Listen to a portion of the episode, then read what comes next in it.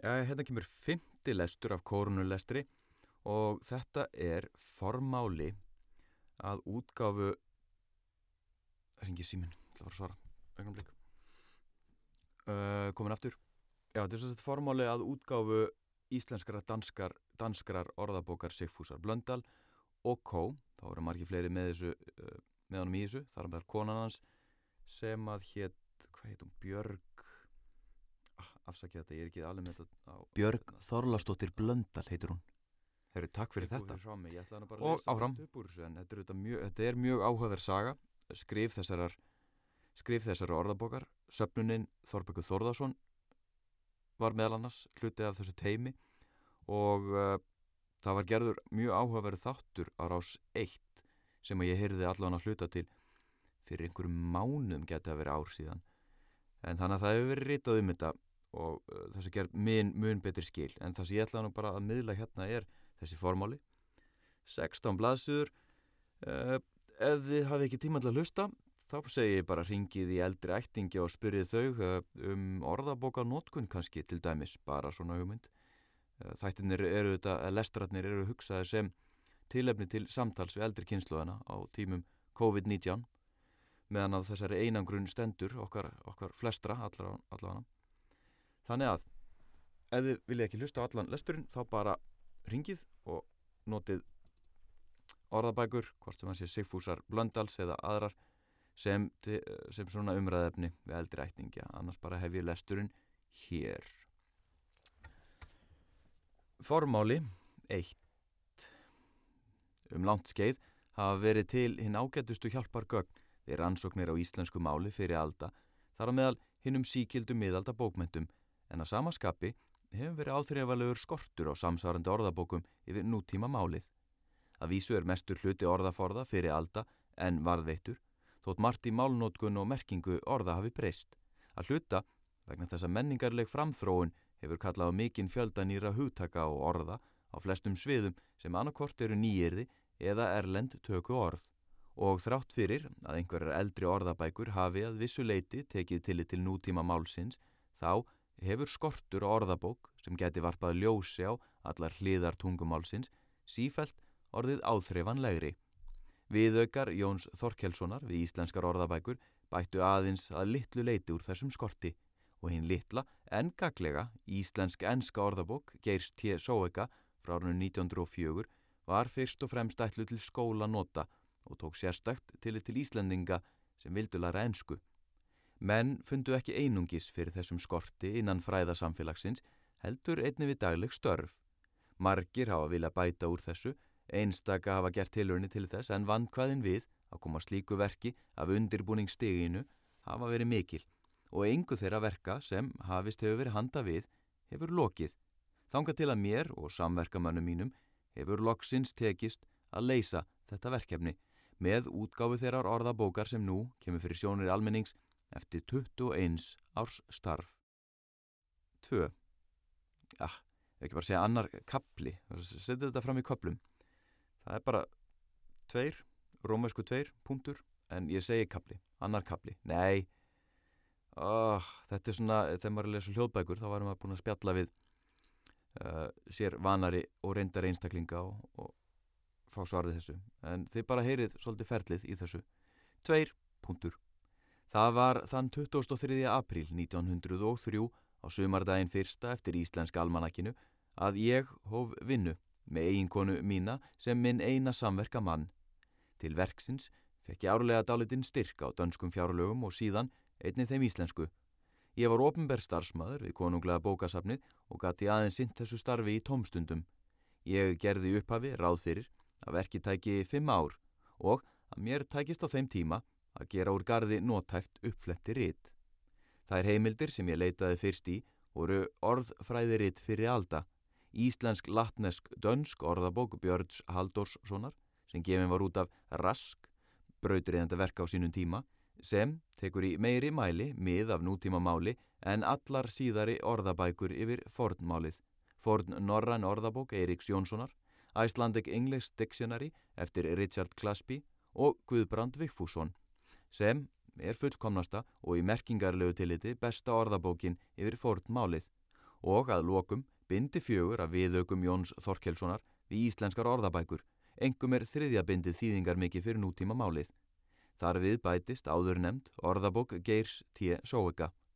Hinn mikilvega Óbó og að því gamle norske spó eftir Jóhann Fritzner, afsaki álíkt að þetta sé Jóhann, það er Jóð og Há, kom mér þó að minni nótum þar sem hún fæst engungu við fórtmálið.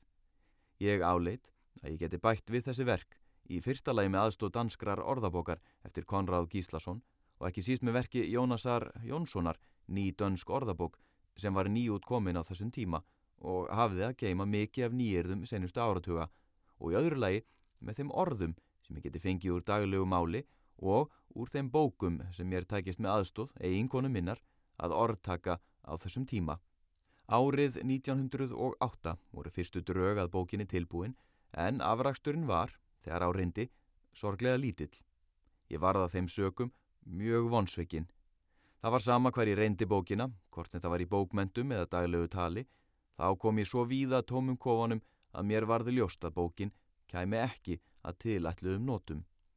Ég gerði mig grein fyrir því að til þess að útbúa uppfletti ritt, þótt lítið væri, sem væri nokkurn veginn fullnægjandi, þá verði að vera til stórar orðabækur yfir tungumálið sem hægt sé að byggja á. Ég fór því fram á við danska kennslumála ráðunitið að það endur nýjaði styrkveitinguna til þryggja ára. Það gekk eftir og ég held verkinu áfram, en með aðstóð eiginkonu minnar sem eina samverkamanns míns. Það sem lág mest á var að afla sem mest orðaforða úr samtíma máli. Orðaforða fyrir alda voru gerð svo góð skil hjá Klesby Viffússon og Fritzner að ekki var miklu þarfið að bæta. Taka varð nægilegt tillit til þess fjölda nýyrða og nýra merkinga eldri orða sem stór stígar og sífælt fjölbreyttari samfélagsbreytingar hafðu haft í för með sér og hreinræktað alþýðumál sem aðeins að litluleiti byrtist í bókmentum vorum var með því mikilvægasta. Þar við bættist skaldamálið með öllum sínum sérkennum bæði hið hefðbundna svo og nýmælin. Þarna var því að velja hæfilegt úrval vegna þess stutta tíma og þeirra takmörkuðu fjárraða sem ég hafði. Í fyrsta lagi þurfti að orðtaka þjóðsögur, ævintýri og rítum þjóðlega siði og venjur, þar sem von var til að finna meira af allþýðumáli en í hefðbundnum fagurbókmentum og þar sem einnig var von til að finna mikilvægt menningar sögulegt efni. Því næst kom úrval úr skáldsagna tekstum og okkar litlu leik bókmentum. Úr dagblöðunum náði ég í mikinn orðaforða Ég orð tók gömgefilega mikinn fjölda árganga af tímaritunni Eimreiðin sem gefinur út í Kaupmannhöfn í rittstjórn profesors Valtýrs Guðmundssonar ágætt tímarit sem snertir á mörgum málefnum. Openbert lagamál og tækni orðaforða á ímsum sviðum reyndi ég að nálgast með því að fara í gegnum marga árganga af íslenskum stjórnar tíðendum. Þar sem þau byrt á þeim tíma danskar þýðingar á íslenskum lögum Á samt mikilvægastu tilskipunum og reglugerðum fekk ég þar löggiltar þýðingar á miklum fjölda hugtaka úr daglegu lífi. Á þessum tíma orð tók ég aðeins nokkur önnur verk. Mikilvægastu bókmentagrein okkar, ljóðlistinni, syndi ég eftir mikla umhugsun, hlutfalslega minnst. Ég tók þó með þekkt síkild verk frá fyrirluta 19. aldar, Bjarnar Torrensen, Jónas Hallgrímsson, Grím Tomsen, Bólu Hjalmar, vegna hans kjarnyrta alþýðumáls og meðal hinn að yngri Mattías Jokkumsson og Stefan G. Stefansson.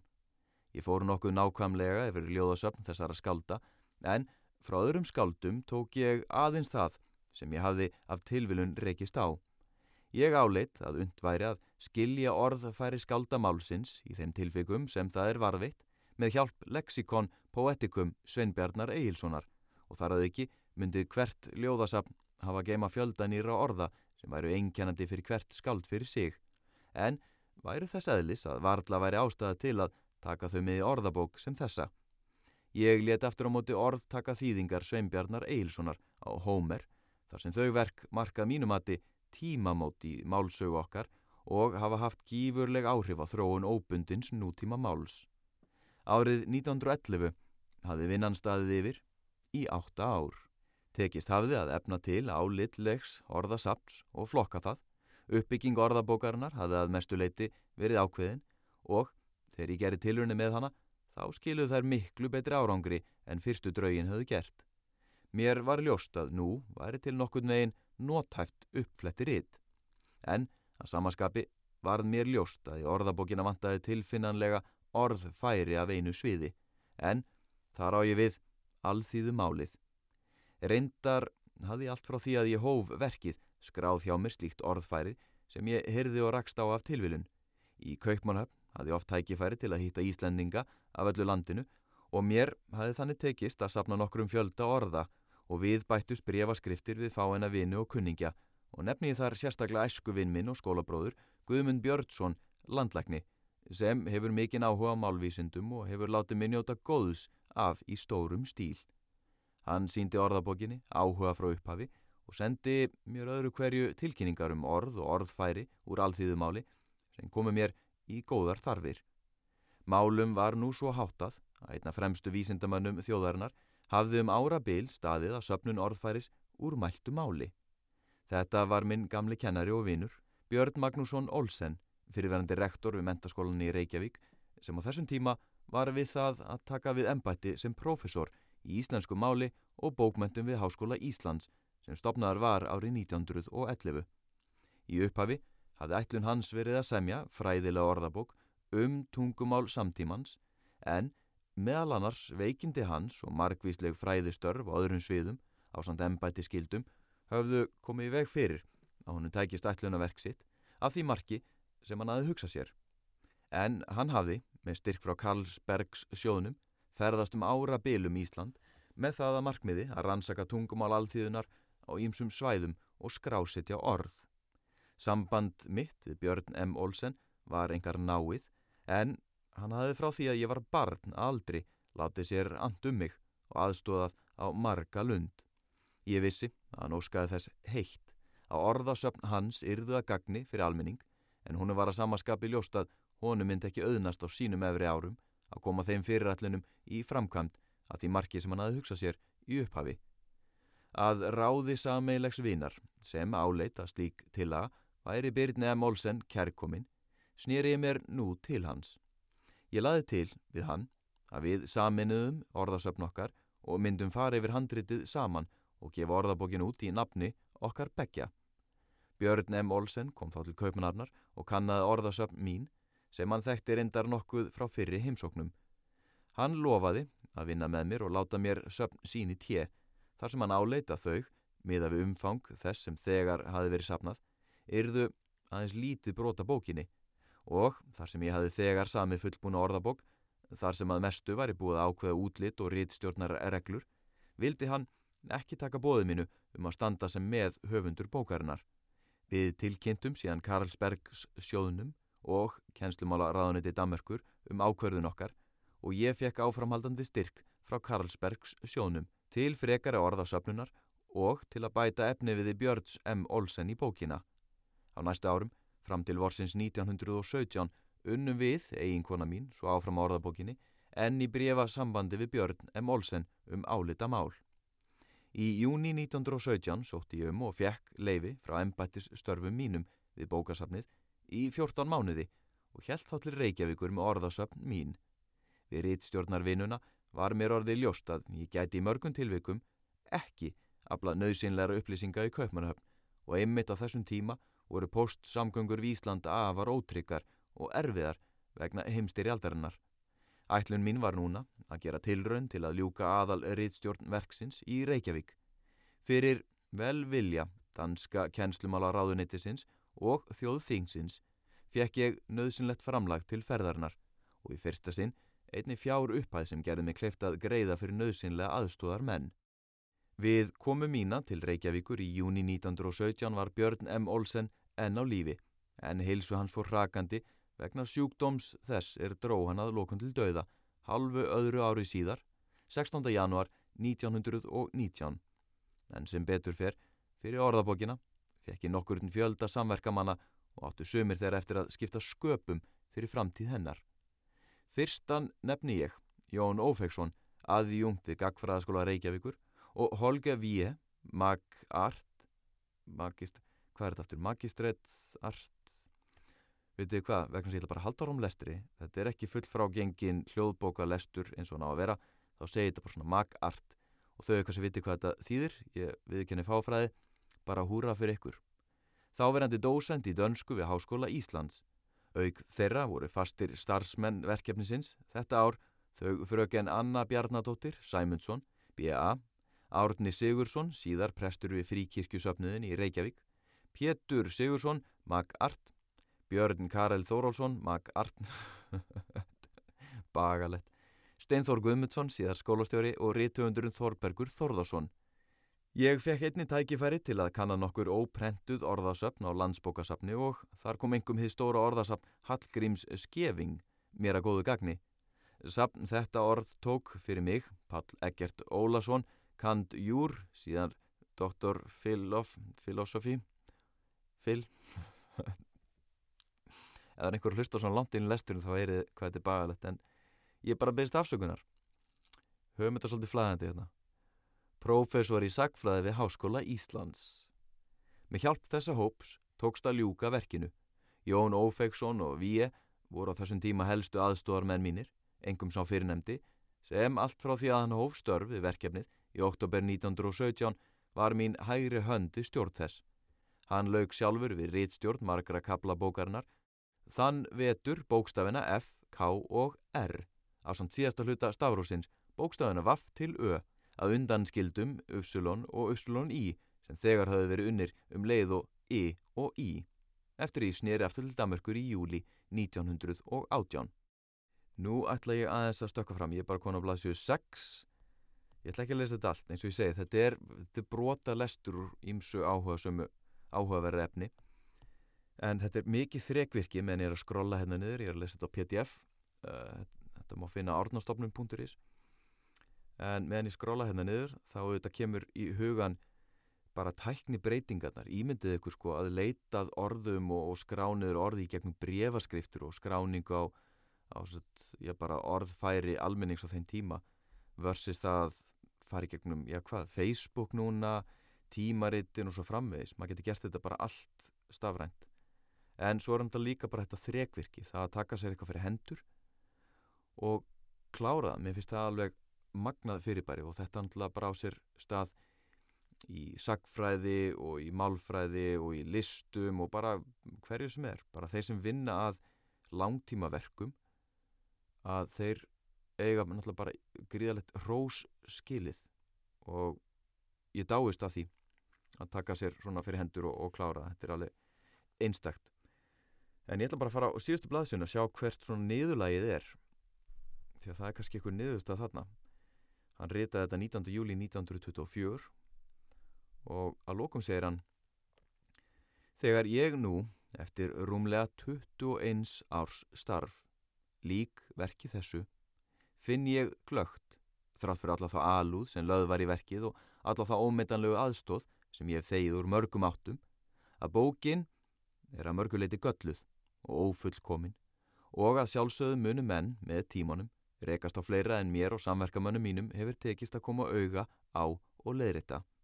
En þar sem ég hef allan tíman verið með yfir stjórnverksins og fengið sendar og farið yfir síðustu prófarkir og hreinprent og þar sem ekkert sem álið skiptir hefur verið gert án samþykis míns, hlítur ábyrðin og öllum göllum bókarinnar að vera mín.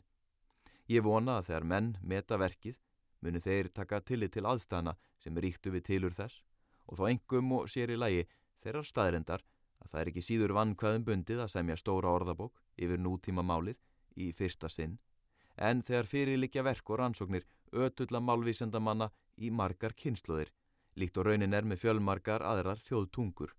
Með tilliti til næstu útgáfu er það eindrein ósk mín að notendur bókarinnar sendi mér þar sem þeir finna villum og orðum og merkingum sem vantar En það er von mín að þrátt fyrir að óhjákvæmilega megi finna eitt og annað aðfinnsluvert, þá muni samt þið nýja efni sem bókin hefur að geima, reynast svo týrmætt að það geti orði grundvöldur fyrir íslenska orðbóka gerð í framtíðinni.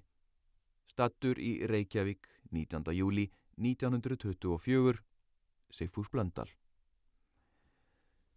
Áðurinn í kveðukur þá kom upp ein hugsun í hugan að þessi tími sem þetta tók 21 ár að ljúka þessu starfi. Ef þetta hefði ekki 10 ár hvað hefði Sigfús Blöndal gert við restina tímanum? Og eftir að uh, Ford hann hafði Model T Ford í færi bandar útfæslu og alla tíð náttúrulega síðan yðnbildingunni og náttúrulega mun fyrir það hefur framleyslu tími og stytting alls verið í fyrirrúmi og maður spyr sér hvaða myndi taka langa tíma núna að, að vinna sambarlega vinnu. Þegar við lifum á þeim tímum að Google er stanslust að sapna öllum upplýsingum og meta og rína í og greina og búa til automatíska automatic automatic sett ferla til þess að, að greina tungumálið og það er verið að setja saman náttúrulega talað mál í svona með gerfigrind og í hvað og hvað og hvað. Það er náttúrulega bara hillandi að velta fyrir sér hvað tekja langa tíma að vinna svipa verk. Ég hef ekki svarið við því en kannski afi og amma frendi og frænka eldri kynsluðin sem að eh, þið þekki til hafi einhverja insýn í hvað ég var að segja nótkun orðabókar, þróun tungumálsins það að taka sér fyrir hendur eitthvað sem að tók lengri tíma að gera ráð fyrir. Ég menna take your pick. Það er ímislegt sem hættir að nota sem grundvöld til samtals, símtals ringjum í eldri kynsluðina uh, nýtum okkur þann fróleg sem kemur úr korunulestri og vonum svo innilega þetta verði mjög stutt seria hún fjari út eins og þessi óvera sem nú uh, gengur um á meðalvor. Hafðu það gott farið valið að þóðu hendurnar verið blessuð. Bless.